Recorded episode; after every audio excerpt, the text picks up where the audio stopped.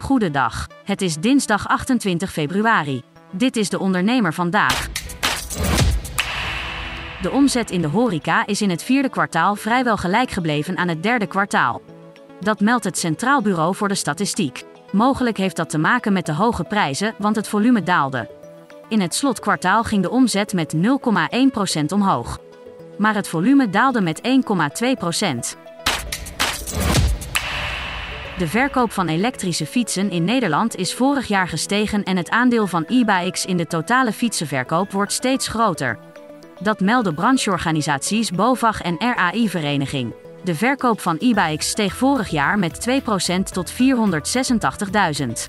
Bijna 60% van de fietsverkopen is inmiddels elektrisch. Nederlanders hebben in januari massaal een vakantie geboekt naar het buitenland. Reisbranchevereniging ANVR meldt dat meer dan 3 miljoen Nederlanders een vakantie over de grens boekten en spreekt van een record. Het aantal boekingen via een bij de ANVR aangesloten reisbureau steeg met 50% vergeleken met vorig jaar toen coronamaatregelen reizen nog beperkten.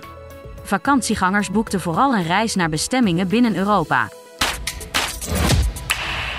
De detailhandel heeft in januari 11,3% meer omgezet in vergelijking met dezelfde maand een jaar eerder. De grote groei komt vooral doordat er vorig jaar nog een lockdown van kracht was tot 15 januari 2022, waar de non-food sector last van had. Ook de hogere prijzen speelden mee, aangezien het totale verkoopvolume slechts 0,4% hoger lag. Dat meldt het Centraal Bureau voor de Statistiek op basis van nieuwe cijfers.